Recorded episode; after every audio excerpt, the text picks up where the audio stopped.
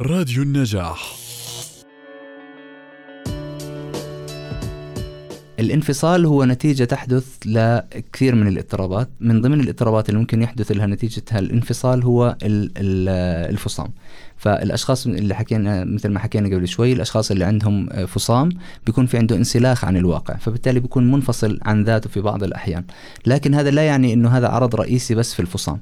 في اضطرابات ثانية بيكون فيها الانفصال عن الذات جزء أساسي من هذا الاضطراب مثل الاضطراب التفككي dissociative disorder بنسميه واللي هو بيكون مثلا الشخص اللي هي تعدد الشخصية أو تبدد الشخصية هذول الأشخاص بيكون عندهم انفصال آه، عن الذات. وممكن تصير برضو الانفصال عن الذات نتيجة للتعرض لصدمات أو لأزمات نفسية آه، شديدة جدا فبتكون هي عرض لاضطراب وليس اضطراب بحد ذاته.